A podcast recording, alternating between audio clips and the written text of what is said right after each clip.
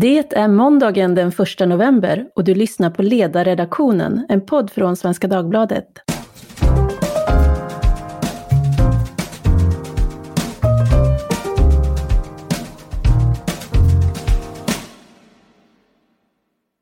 Jag heter Tove Livendal och idag inleds skolelevernas läslov. Och för att understryka nyttan och glädjen med att läsa kör vi faktiskt också en läsvecka även i podden den här veckan. Vi kommer att lyssna på olika gäster som har skrivit eh, böcker eller rapporter och eh, som vi tycker kan vara värda att plocka upp. Idag har jag bjudit in en tidigare medarbetare på ledarredaktionen, nämligen Anna-Charlotta Johansson. Hon arbetar idag som kommunikationsrådgivare, skribent och föreläsare och har bland annat tidigare arbetat som presschef för Moderaterna. Sedan några år tillbaka bor hon huvudsakligen i Kapstaden och för någon månad sedan presenterade hon sin debutbok Sydafrika på andra sidan regnbågen utgiven på Fritanke förlag. Varmt välkommen tillbaka till ledarredaktionen Anna-Charlotta. Tack Tove, så kul att få vara med. Ja, och nu i egenskap av författare. Exakt, det känns fint. Ja, det tycker jag också. Berätta, vad är det här för bok? Eh, jag skulle nog vilja beskriva det som en urban skildring av dagens Sydafrika. Eh, om den dualism eh, som ändå finns i Sydafrika. Eh, så det är en skildring av liksom ett mycket vackert, starkt och komplext land. Oerhört mångfacetterat. Jag tycker också, jag har ju läst boken och rekommenderar då andra att göra det. Och jag tycker den spänner ju över väldigt många olika områden. Den ger, tycker jag, en bra orientering av ett land som jag inte tror att så många svenskar har annat än en ytlig kunskap om. Jag har valt ut några delar som jag skulle vilja prata lite närmare om. Och det första handlar om ekonomin. Sydafrika är ju det näst rikaste landet i Afrika sett till BNP, men om man räknar BNP per capita så hamnar det på en åttonde plats. Och det är ju fortfarande, man räknar det till ett av Afrikas mest välutvecklade nationer och är också det enda afrikanska landet som är med i G20. Samtidigt är det många som lever i fattigdom och de officiella arbetslöshetssiffrorna från första kvartalen 2021 anger 32,6 procent och 74,7 procent för ungdomsarbetslösheten. Och det är bara de officiella siffrorna som ju anger de som aktivt söker jobb. I verkligheten så är siffran mycket högre och den går upp. Vad beror det här på? Oj, då kommer vi in på den här komplexiteten eh, som Sydafrika ändå eh, bjuder på får man säga. Men eh, dels så handlar det såklart om en, en väldigt lång period eh, av, får man ändå säga, rassegregation eh, i Sydafrika. Det fanns en, väldigt många olika grupperingar eh, indelade då efter, efter hudfärg, så kallad ras, eh, som inte fick äga, inte fick gå i skolan, eh, inte fick röra sig så som man ville. Så det är klart att den segregationen lever ju kvar än idag, även om apartheid är avskaffat. Och den, eh, det går ju inte att åtgärda på, på några år, inte ens 25 år. Eh, I alla fall inte om man då har dessutom felaktig politik skulle jag säga. Ehm, så det måste man ha med, tycker jag, hela tiden i beräkningen.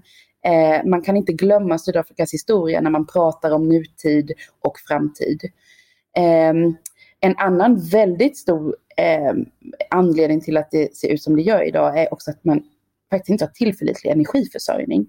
Det är väldigt svårt att driva ett land framåt om man inte har och få investerare till ett land om man inte har energi. senast den här veckan har vi haft planerade elavbrott kallas det, load shedding, eh, upp till tre eh, omgångar per dag så att säga, slottar per dag, att två och en halv timme. Eh, man kan bara tänka sig vad det gör för, för många företag såklart. Det är inte alla som har råd att ha generatorer och liknande. Eh, bara en liten småsak, så här, jag var och gjorde, lite lyxigt, gjorde så här pedikyr.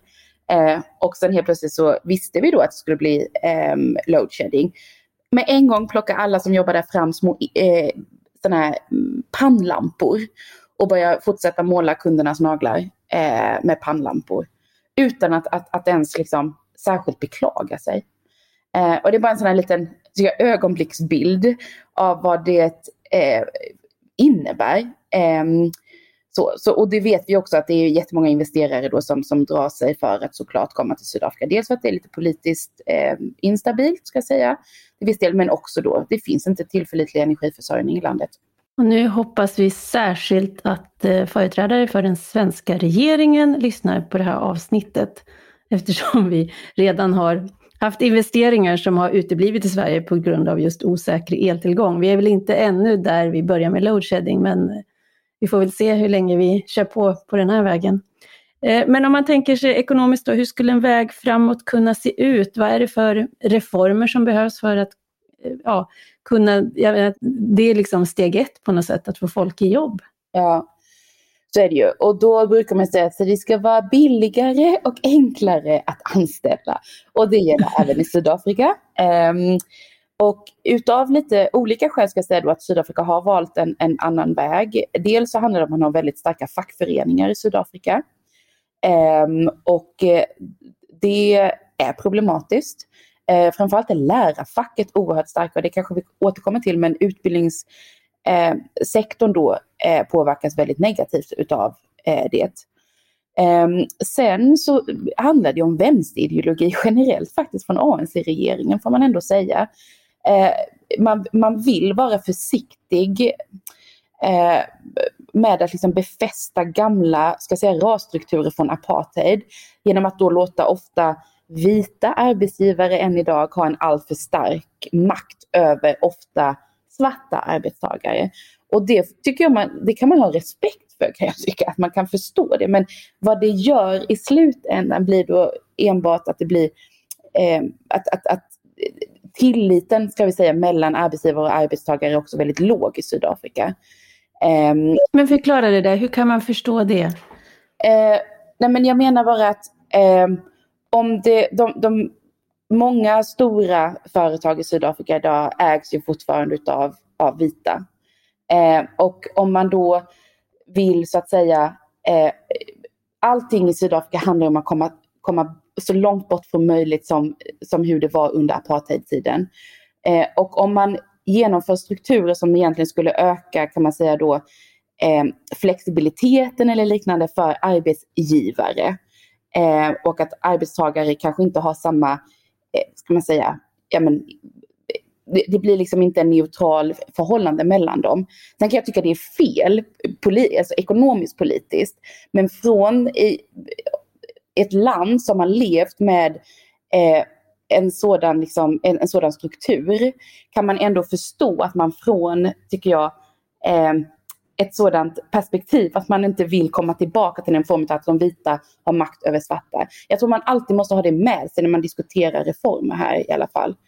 Eh, men sen landar det ändå fel, för det skapar bara en form av eh, inlåsning, alltså att de som fortfarande är arbetslösa kommer forts fortsätta vara arbetslösa. För det finns inte en, en, ingen stark tillväxt i landet, det finns inga företag som vill växa. Det är alltför starka, eh, helt enkelt, ja, starka eh, fackförbund. Eh, vilket inte leder till någon flexibilitet överhuvudtaget på arbetsmarknaden. Så att för att få de här jobb nu, alltså det ena är då säga, de rent praktiska, att det, det anses för dyrt och för krångligt ja. för att mm. anställa. Och sen har vi energin då som gör att en del investeringar inte kommer till landet. Mm. Jag tycker man måste nämna egentligen också det är liksom system som ändå då ANC-regeringen, eh, vad ska man säga, eh, satte igång som heter Broad-Based Black Economic Empowerment. Som man brukar oftast kalla det BEE. E. Eh, och det är liksom en form av eh, poängsystem som då ekonomiskt belönar företag som på ett eller annat sätt gynnar icke-vita i rollen som arbetstagare eller företagsledning eller ägare så att säga. Ehm, och kritiken mot den här, och det är ett väldigt krångligt system, även om man bor här och läser media och följer det så är det faktiskt för, ganska svårt att förstå det här poängsystemet. Och, och tänk då hur det är att vara företagare eh, att försöka liksom manövrera i det här eh, systemet. Så det är liksom helt enkelt att de försöker hantera de här utmaningarna med en väldigt stor arbetslöshet, främst bland svarta, genom att bryta då den här formen av ekonomiska ojämlikheten som lever kvar på många sätt från apartheid. Eh, så man kan kalla det som ett positivt särbehandlingssystem. Ehm, och då finns det olika regler eh, då, som gör att man får högre poäng eh, och därmed olika ekonomiska initiativ som företagare kan man säga. Eh, om man då eh, anställer eller följer ehm, då, olika regler ehm, utifrån det här BEE-systemet eh, helt enkelt. Ja, det är ju den här diskussionen som vi har med jämna mellanrum också när det diskuteras kvoteringssystemet. Då blir det ju paradoxalt så att även om det är för att på något sätt komma åt effekterna av ett apartheidsystem så blir det ju nästan som att införa ett nytt. Exakt så. Och det är ju det, det som liksom ja, men ANC-regeringen och de andra politiska partierna försöker liksom, vad ska man säga, jonglera. Eh, en form av ja, ekonomisk ojämlikhet som lever kvar eh, sen, sen många år tillbaka samtidigt som man försöker få, få fart på landet. Eh, mm. Och eh, ja, Eh, men, det, men just det här BEE-systemet eh, har ju till och med nu börjat vissa inom ANC kritisera. Eh, det liksom finns också att det, när, det, när det sattes igång så fanns det ett visst antal eh, svarta företagsledare som gynnades väldigt eh, mycket av detta eh, som hade nära kopplingar till politiken också. Och nu var en president, Ramaphosa, faktiskt en av dem som gjorde sig eh, ett stort namn inom företagarvärlden genom att använda sig av det här systemet. Eh, och kritiken är då att det inte kommer alla till del utan det finns ett visst eh, få så att säga som förstår systemet och har eh, mycket lyckosamt använt sig av det. Mm. Ehm, men att det inte kommer alla till del och att det är en ineffektiv numera politisk policy som egentligen skapar mindre handlingsutrymme ehm, för privata företag och såklart mer administration ska sägas. Mm. Och kostnader såklart. Med det ja. ja. Eh, jag funderar på en väg i ekonomiskt reformhänseende som, det handlar om det här med ägande och äganderätt och du har med en del Mm. exempel och berättar om att det finns eh, rörelser som handlar om det, att kunna se till att människor får möjlighet att äga mm. till exempel marken och mm. eh, huset de bor i. Kan du berätta någonting om det? Ja, men det finns ju liksom en, eh, en stor andel människor i Sydafrika som till exempel bor i hus som de anses äga, men som de inte har några lagfarter för. Och eh, det gör ju också då att de inte Eh, de har svårt att komma in i den formella ekonomin kan man väl säga. För att det går inte att gå till en bank och ta ett litet lån för att starta ett företag eller liknande om man inte kan bevisa att man har någonting, kanske som säkerhet. Ehm, och då finns det vissa rörelser ehm, och dessutom företag som jobbar eh, med detta. Eh, vi har en svensk eh, faktiskt som har startat ett företag som heter Bitprop ehm, som då hjälper till att få så att säga lagfarter till, till hus för personer som bor i oftast kåkstäder. Eh, samtidigt som de då tar in investerare för att bygga lägenheter kan man säga, enrumslägenheter på baksidan av de här husen. Som gör att personen som äger huset under en längre tid kan få in eh, hyresintäkter. Eh, och investerare då också kan få tillbaka sina pengar. Och dessutom kommer de in i den formella ekonomin eh, tycker jag är en fantastisk, så här, jag brukar kalla det så här, kapitalism som gör gott dessutom. Det är inte bara gott för att det är liksom, kapitalism, utan det gör extra gott. Eh, liksom rättar till samhällsproblem. Eh, så långsiktigt eh, så skapar det ju väldigt positiva effekter får vi säga. Ja, spännande. Och det ska vi också säga då, det här är den svenska som är Carl Fredrik Sameli, ja. som jag också bor i Sydafrika. Och eh, de är ju ständigt på jakt efter människor som vill vara med och stödja det arbetet. Så. Ja. Med tanke på att vi nu kommer in i tiden när folk brukar ge bort jätter och sådär i tredje land, så Exakt. det får man väl se som ett julklappstips. Mm. Exakt, vi ska faktiskt, jag har några svenska vänner på besök nu och vi ska eh, faktiskt med Bitpop ut den här veckan som kommer nu eh, till Kajelice, som är den största kåkstaden eh, i Kapstaden, eh, och titta på några nya lägenheter. Det var, eh, det var ett par år sedan jag var med dem ut faktiskt. Det blir väldigt spännande att se de nya ja. tillskotten. Mm. Spännande. Eh, vi ska gå in på ett annat område. Det är kriminalitet. Eh, du har ett kapitel som du kallar för vardagsfruktan och jag tyckte det var en språklig innovation som verkligen satte sig. Man förstod direkt vad det var för någonting. Mm. Och du har ju valt att bosätta dig i världens dödligaste stad med flest mord per invånare. Mm. Hur märks det i vardagen? Det märks väl på det sättet att man faktiskt alltid måste ha lite ögon i nacken. Så kan man säga. Det är små vardagliga säkerhetsåtgärder som är viktiga att tänka på. Um, små detaljer, det är som att man inte öppnar dörren för någon eh, om man inte vet vem det är som står utanför om de ringer på. Um, många har ju såklart larm på sina hus som är kopplade till olika privata vaktbolag. Så har även jag. Um, och sådär. Det är ju liksom Eh, för de som bor eh, i områden där kriminaliteten är väldigt utbredd, för dem är det vardagsmat att se, skulle jag säga, och all, se otäcka saker och alltid vara på sin vakt. Um, och det är många oskyldiga som, som drabbas i det, framförallt gängvåld, ska jag säga, som finns. Um, det är, Sydafrika är utav också skäl liksom, eh, som går tillbaka till apartheid såklart, ett våldsamt samhälle.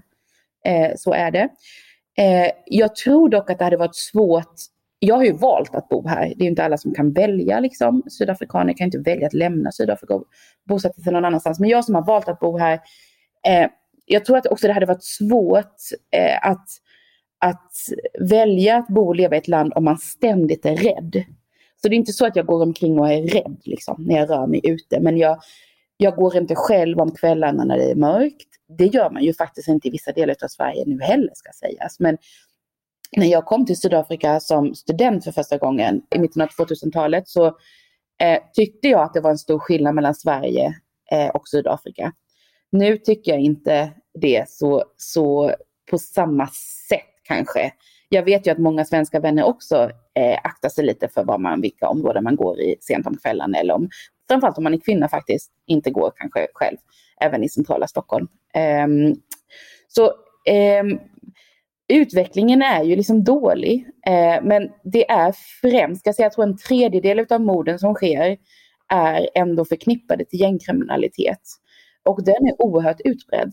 Eh, och eh, lever sitt, kan man säga det, egna liv. Jag har gjort många intervjuer med olika gängforskare och liknande. Eh, och de berättar ju, de som har sett det här väldigt mycket inifrån, trots att de inte är med, medlemmar i ett gäng så att säga, berättar ju om någonting som, som rent forskningsmässigt är ganska annorlunda mot andra delar utav världen. Eh, till exempel så finns det en, en, en forskare från USA som är då gängspecialist så att säga, eh, men som ändå kommit från USA eh, och försöker då eh, jobba i Kapstadens eh, gängområden eh, med den kunskap han har med sig från USA. Eh, och tycker ändå då att det liksom, ja, att det, att det skiljer sig åt. Eh, på, en, på vilket sätt? Men att det är, ehm, vad jag förstår så, så är det liksom oerhört utbrett här. Det är som att man, områden man växer upp i, framförallt då ska vi ta Cape Flat som ett exempel, som är ett väldigt stort flackt område utanför Kapstaden som var under apartheid så, eh, så blev ju människor då tvingade att flytta till områden, alltså tvångsförflyttade eh, för att bo i enlighet då med sin rasgrupp så att säga. Och då var det väldigt många färgade eh, som är en egen rasgrupp, det är inte svart då så att säga, utan det är en egen eh, rasgrupp enligt apartheid-ideologin eh, som förflyttades till det här Cape Flats. Ehm, och i det området idag är gängkriminaliteten som allra störst. Det finns väldigt många olika gäng. Och där är det många som växer upp eh, och, så att säga, det, det, det, är en total vardag. Det, det är många unga eh, alltså barn också. De springer lite ärenden åt gängen och, alltså, som är deras systrar och kusiner och liknande. Det kan vara så här, man går och springer och köper en, en brödlimpa och sen får man någonting för det. Eh, små saker som gör att eh, man lätt tar, liksom, det, det, är inte en stor tröskel att gå med i ett gäng, det är snarare, det finns inget alternativ, det, det är vardag det är inte skilda världar som vi ofta kanske tänker som att nu tar jag steget och går med ett gäng och det är liksom eh, någon ritual för att gå med och liknande. Nej, det är man växer upp med ena foten i ett gäng och andra kanske lite utanför. Sen är frågan hur långt man går så att säga. Mm. Och det, jag läser där, du skriver att det finns ungefär 100 000 som är medlemmar i 90 till 130 gäng. Så det är ju också, en del måste ju vara enormt stora, det måste vara enorma nätverk som du beskriver då kanske nästan hela områden eller Exakt. Ja, exakt så. stora kluster. Ja. Och jag skulle säga att alla som bor i Cape Flats eller i, i andra områden som har hög gängkriminalitet, det finns inte en enda person som inte känner eller är släkt med någon som är med gäng. Jag känner ju flera som har tidigare varit eh, gängmedlemmar och som jag umgås med idag. För det var så de växte upp. Sen har de av olika skäl lyckats bryta sig loss från det där. Eh, men det är ju verkligen inte alla som, som gör det. Och det där tänker jag, här, här måste vi ju försöka höra om det finns några lärdomar därför att Ja, du var inne på det tidigare. Det finns numera så finns det ju, är det mer vanligt att man människor undviker olika platser och tider i Sverige också. Mm. Det är inte Sydafrika, det är inte det jag säger, men vi har en utveckling här som är allvarlig och vi har en gängkriminalitet som har vuxit. Mm. Och eh, då funderar man ju på hur gör man då för att bryta den här utvecklingen och, och kan man väl säga att, att Sverige, det offentliga Sverige rent generellt har varit, haft svårt att erbjuda alternativa liv som har varit mer och det har ju inte, nu är det ju, nu finns det en koppling till segregation och bristande integration, men vi har ju liksom 80-talets värstingresor i minne när vi tänkte att ja, men om man ger dem väldigt mycket så går det bra. Och sen kommer högern och säger ni ska jobba. Och det är inte heller så himla attraktivt att ta ett, ett jobb med, på de lönenivåer som man kan få. Du beskriver här en person som tidigare var med i, en, eh, i ett gäng som kallas för Pet i den här, eh, ja det är inte hans riktiga namn, men han hade en person att bli den största torpeden och största narkotikasmugglaren i Västra Kapprovinsen och drömde liksom om de möjligheterna. Och nu bor han då, nu, han, han är ju inte kvar i detta, han bor med sin mamma i ett litet hus med två eller tre sovrum eh, tillsammans med tolv andra personer och han tjänar 300 rand per vecka, vilket är något han tidigare kunde tjäna på tre timmar. Och, och då säger den här eh, forskaren då, som ni intervjuar att visst, han är glad att han har ett mer stabilt liv över att kunna försörja sin familj. Men på ett sätt, utan att glorifiera våldet, ber vi nästan personer om något perverst när vi ber dem lämna gängkriminaliteten. Vi ber dem att välja något som är mindre än vad de är och mindre än vad de har. Mm. Och det här tänker jag är jätteviktig insikt. Så har du sett några metoder eller best practice på lyckosamma sätt att få människor att välja en annan livsstil? Ja, det har jag ju sett.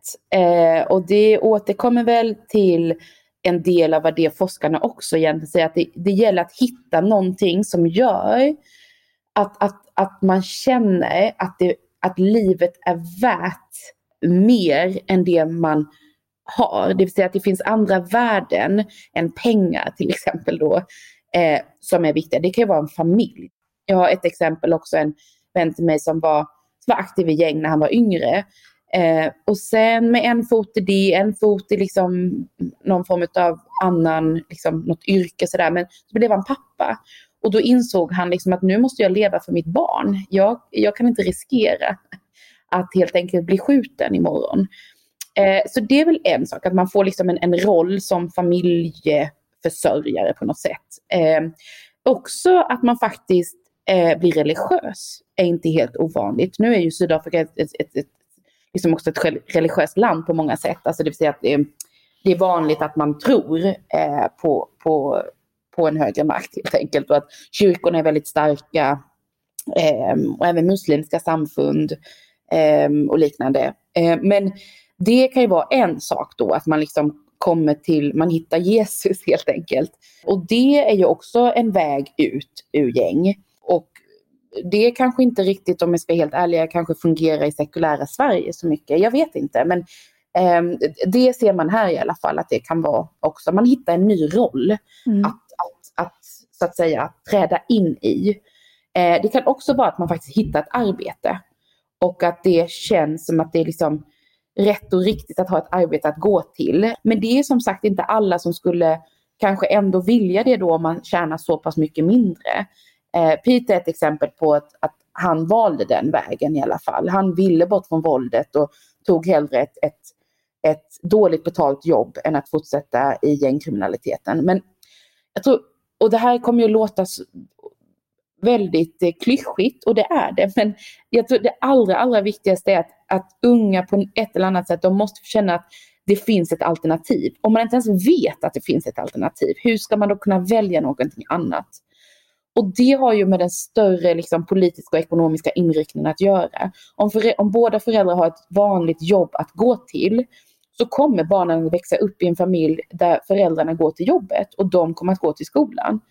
Men om eh, mamman är alkoholist eh, och har blivit misshandlad större delen av sin liksom, ja, liv utav pappan och pappan har liksom något jobb han går till ibland, snickrar lite, men handlar upp det mesta på, på droger eller alkohol. Och, och ni du förstår, det, det, det är ju väldigt svårt för sådana barn att se liksom en annan framtid. Dessutom mm. ett undermåligt utbildningssystem. Jag blir nästan tåren när jag bara, bara pratar om detta. Att, att, att växa upp i en sådan familj, i, eh, det är ju det är liksom lätt, tror jag, på ett teoretiskt plan att säga så här, men det handlar bara om att se möjligheterna. Så här. Nej, fast de finns liksom inte. Det är liksom inte bara ett individuellt beslut, utan det är också att politiken måste fungera. Landet måste fungera, ekonomin måste fungera. Um, och när det är som ett kugghjul, liksom allting måste fungera för att det ska kunna rulla helt enkelt. Det går inte bara att tro att det är ungdomen själv som ska lyfta sig ur gängkriminaliteten.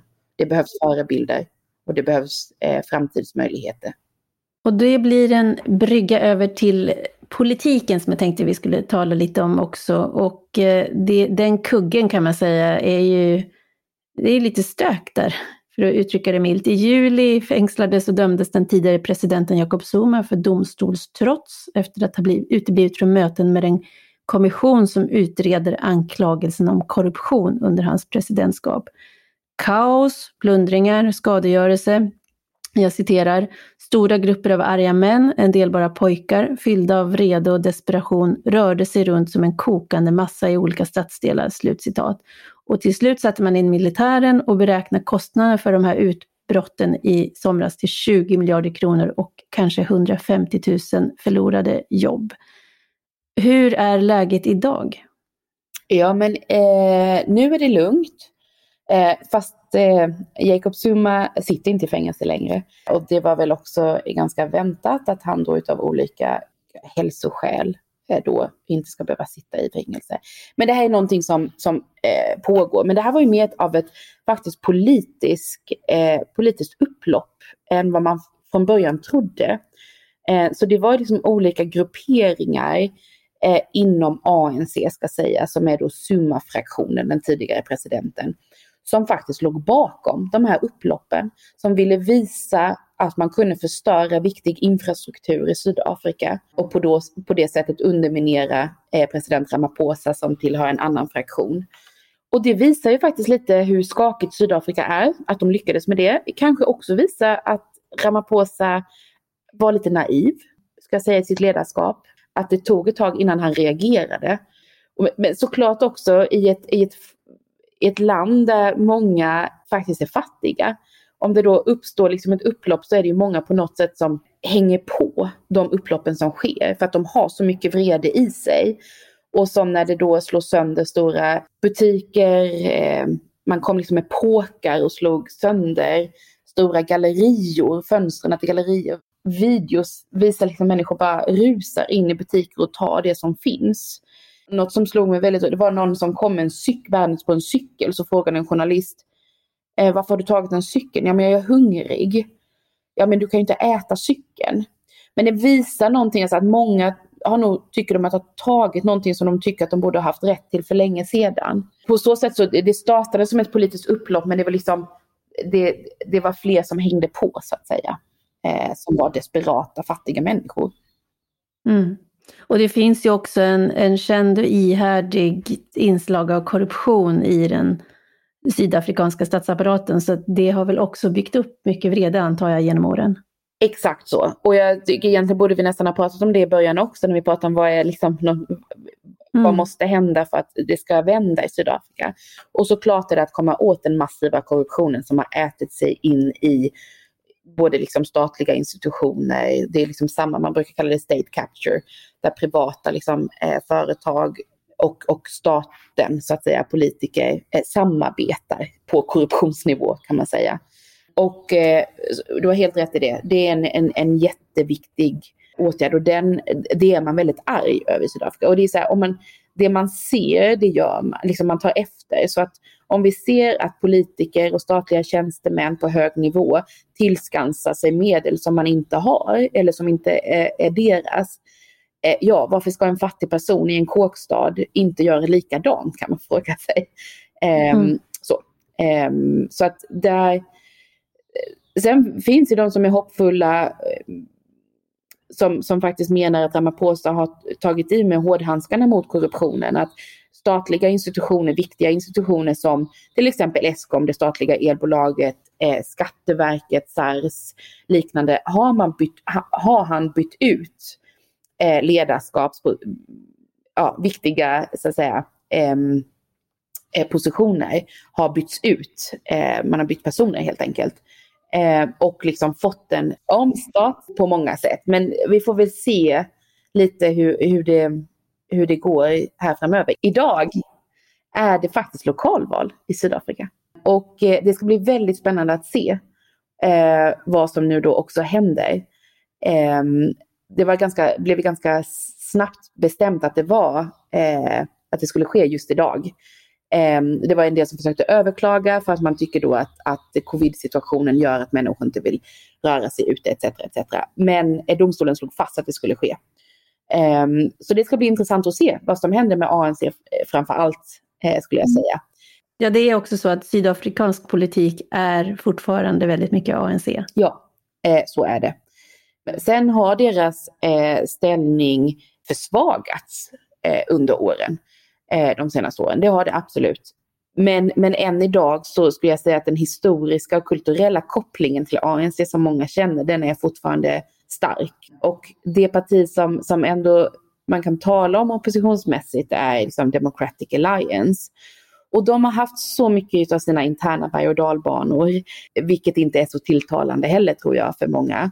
De styr Västra Kap-provinsen eh, och eh, Kapstaden då, eh, som ligger där men anses ju fortfarande vara, liksom, kan man kalla det, liksom ett vitt parti. Och inte för att de är tidigare apartheidparti eller liknande, absolut inte. De är faktiskt sprungna ur apartheidmotståndsrörelsen också. Men de har haft många vita ledare som ibland har uttalat sig väldigt klumpigt och som många tycker befäster liksom, tidigare rasstrukturer. Och rent från ett strategiskt perspektiv så tror jag eh, det är jätteviktigt att de Democratic Alliance som har mycket bättre policies ska lyckas framöver så måste de försöka också ta in eh, fler svarta och färgade på ledande positioner. Eh, eftersom den kulturella och historiska kopplingen till ANC är så stark. Det var liksom de som, som, som kämpade för människors frihet i landet. Så var det ju.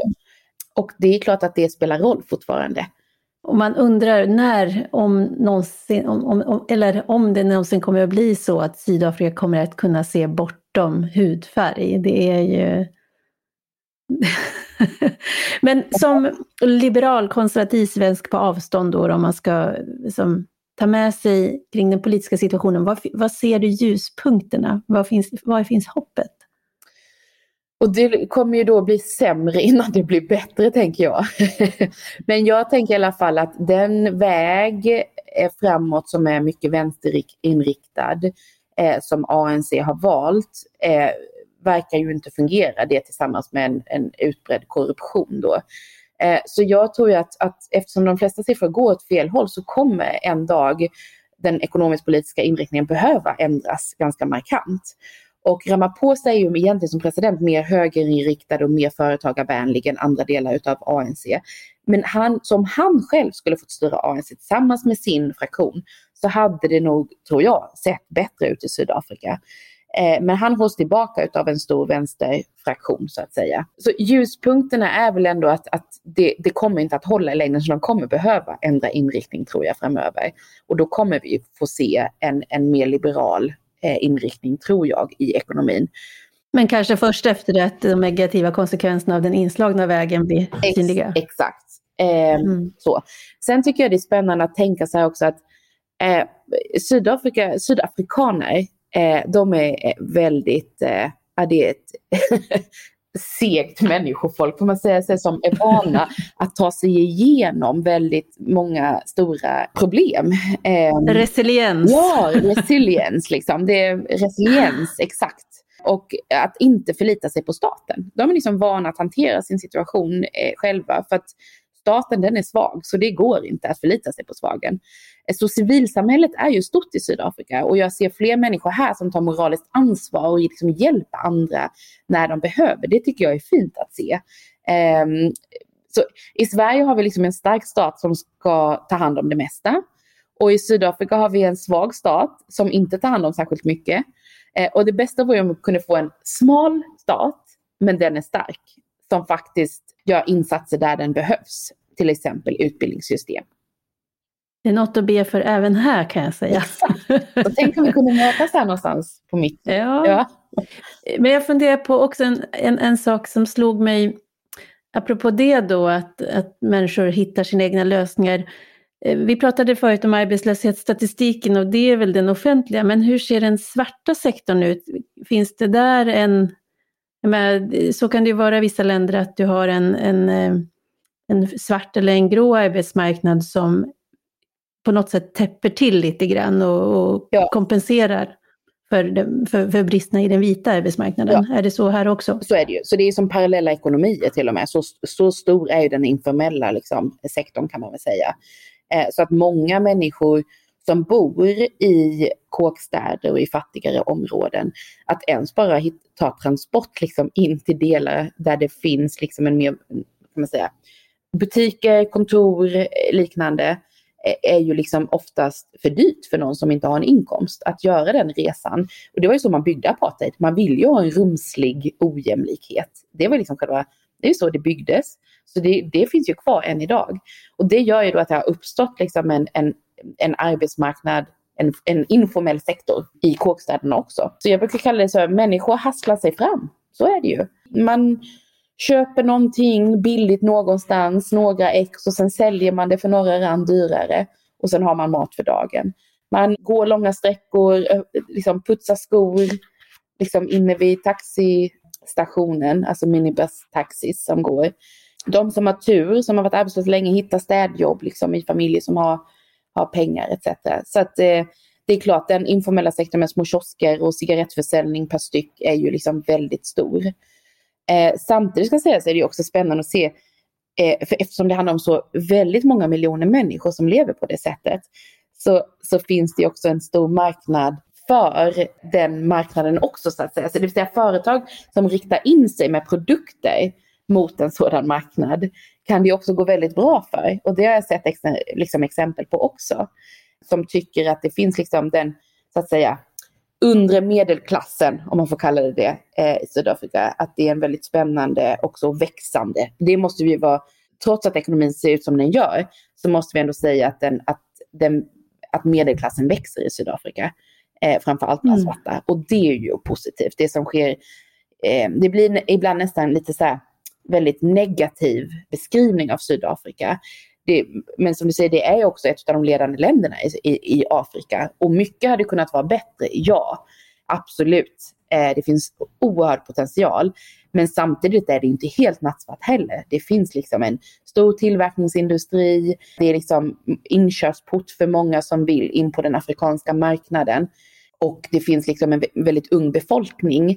Så de som har utbildning är ju så att säga är välutbildade och har bra, liksom, en, ja, om man hittar jobb så har man liksom en bra framtid eh, för sig. Så det som sker i storstäderna tycker jag är spännande att se den svarta växande medelklassen också. Hur man sätter nya trender. Vi ska börja runda av, men jag skulle vilja veta först lite grann kring dina egna intryck eh, hur är det att bo och leva eh, i Sydafrika? Du, ju, du har ju din bas där nu. Vad, vad är liksom de uppenbara skillnaderna mellan det liv som du har levt i Sverige? Oj, det finns ju så många olika sorters liv såklart man kan leva i Sydafrika. Men så som jag har valt att leva så har jag såklart en, en mycket större liksom, flexibilitet i min vardag än jag hade i Stockholms innerstad. Eh, där jag hade liksom ett, ett, nu är jag egenföretagare, då eh, jobbade jag i politiken och jobbade nonstop. Men jag tycker man måste komma ihåg liksom att, att jag är svensk i Sydafrika. Jag är en outsider som lever som en insider. Eh, jag har väldigt många sydafrikanska och andra afrikanska vänner. Men det är stor, mitt liv här hade varit, tror jag, ganska annorlunda om jag hade varit vit sydafrikan, ska sägas, eh, med afrikanskt eller brittiskt ursprung.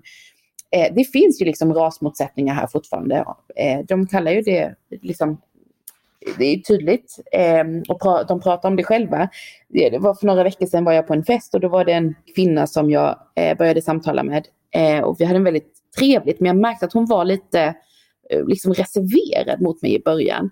Och det var innan hon förstod att jag inte var vit sydafrikan, hon är svart sydafrikan. Och då sa hon faktiskt mot slutet av kvällen, så hon sa, vet du, jag hade inte pratat med dig om du var vit sydafrikan. Så det finns liksom en, från båda, allas håll ska jag säga, finns det en, reser, en reservation ibland mot, mot de som inte tillhör sin egen grupp i Sydafrika.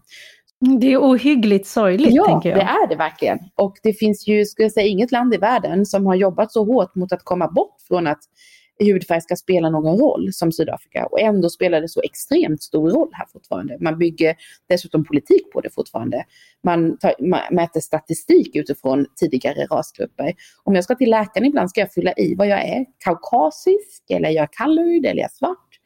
Eh, och jag kan förstå av eh, liksom, statistikskäl kanske man kan behöva det ibland. Men det, det liksom också befäster gamla rasstrukturer. Eh, även om den då var obligatorisk tidigare nu, eller då att, att eh, liksom en obligatorisk identifiering så att säga. Nu är det ju mer då en, en, en vad säger man, en frivillig hur man definierar sig själv. Men, men det är väldigt få som definierar sig annorlunda än vad de är så att säga. Men jag, jag, tycker att på ett sätt så finns det liksom ett öppnare samtalsklimat här till viss del. Jag hade bara önskat, om jag ska vara ärlig, liksom att som, som outsider då, som lever som en insider, att, att fler sydafrikaner insåg sin egen roll i att försöka överbrygga klyftor i landet. Och då menar jag att lära känna människor, umgås med människor som inte tillhör sin egen grupp. Jag ser det ju hela tiden, att man inte vill det. Även om de säger att de vill det. Så då menar jag så här, de gör det kanske med myrsteg, tar de initiativ. Jag skulle vilja se stora kliv. Att man liksom tycker att det är något gott att göra det. Att, att, att spendera tid med människor, att fira nyår, jag vet inte, att ta en kaffe liksom, med någon på arbetsplatsen som, som inte tillhör sin egna grupp, så att säga. Ja, jag vet inte, det var kanske inte svar på frågan hur det är att le, bo och leva i Sydafrika, men Eh, jag, jag, menar bara att som svensk i Sydafrika så är det trots allt annorlunda. Och, med, och, och det som är, är, fint tycker jag är att jag inte blir, in, jag blir inte satt i någon box av sydafrikaner. Alla är öppna gentemot mig skulle jag vilja säga. Som svensk. Och det spelar inte någon roll att jag är svensk, men att jag inte är sydafrikan. Det gör att de är mer öppna mot mig. Och det försöker jag eh, eh, använda mig utav. För jag, eh, det gör att jag lättare liksom, lär mig saker om Sydafrika. Jag får en insikt om hur det fungerar, liksom, ska jag säga, i olika grupper. Du är också nu då en av våra 600 000 utlandssvenskar. Eh, och jag undrar hur eh, det här livet har förändrat din syn på Sverige? Oj, svårt. Jag var senast i Sverige. Jag brukar faktiskt säga att jag har en fot i Sverige och har en fot i Sydafrika. Jag har två hem. Så kändes det sist jag kom till Sverige nu för bara ett par månader sedan och lanserade boken och träffade vänner och familj och kunder och sådär. Så känner jag ändå att Sverige är mitt hem också. Men det är ju också, det är väl lite mer tunnel, det är ju inte lika mångfacetterat Sverige. Det är liksom, eh, om det finns en trend i Stockholms innerstad så är det den trenden som gäller ofta. Det är lite svårare att vara bara sig själv tror jag. Det är så jag känner i alla fall. Medan i Sydafrika är det en sån multikulturell liksom, smältdegel utav färger och storlekar och eh, språk Eh, I Sverige har vi liksom svenska, om man inte talar svenska så är det lite märkligt. I Sydafrika det finns det elva officiella språk. Så liksom, och engelska är ett av dem. Så det, det, blir liksom, det är lättare att vara lite annorlunda tror jag i Sydafrika. Men sen är det ju fantastiskt i Sverige att, att allt fungerar. Liksom på det sättet att när man i alla fall liksom ska ha tag i en statlig institution, att få svar på vissa frågor, att förnya sitt ID, att ta körkort, att ta studielån. Sådana saker fungerar ju oftast i alla fall i Sverige. Och det är ju fantastiskt. Om du får nämna en sak då som Sverige skulle kunna lära av Sydafrika, vad är då det? Jag tänker på det här, jag funderade själv på det här med samtalsklimat. Ja, det var väl det jag var inne lite på egentligen, att det skulle vara det är ett öppnare samtalsklimat, man är inte lika rädd. Och jag tror det har med historien att göra här. Man vågar liksom säga saker lite mer som de är. Vi, vi tränar ju på det här ja, i Sverige. precis. Men, men det är ju, ja, jo, jag skulle nog ändå säga så, det är väl samtalsklimatet i så fall, att det är enklare. Det finns en liten mer flexibilitet i Sydafrika. Det tycker jag om. Det sättet att leva liksom, är också härligt. Allra sist då, du får göra en så kallad elevator pitch till varför man ska köpa och läsa denna bok. Det är en ömsint skildring av ett väldigt eh, svårt och sargat och komplext land. Och om man vill veta mer om det så tycker jag man ska läsa boken. Jag tycker också att det finns väldigt många mysiga, ska jag säga så här, vardagsskildringar i boken som gör att man kanske förstår varför också man väljer att bo i det här landet och inte bara fokusera på det som är den dåliga ekonomiska och politiska utvecklingen. Och det sagt om boken Sydafrika på andra sidan regnbågen som har utkommit av Anna-Charlotta Johansson på Fri Tanke förlag. Stort tack Anna-Charlotta för att du ville medverka i podden idag. Tack så mycket för att jag fick vara med. Och stort tack till er som har lyssnat. Har ni frågor eller funderingar så hör ni av er till ledarsidan svd.se och har ni frågor om Sydafrika så kan ni höra av er till Anna-Charlotta. Producent idag var Jesper Sandström. Tack och på återhörande.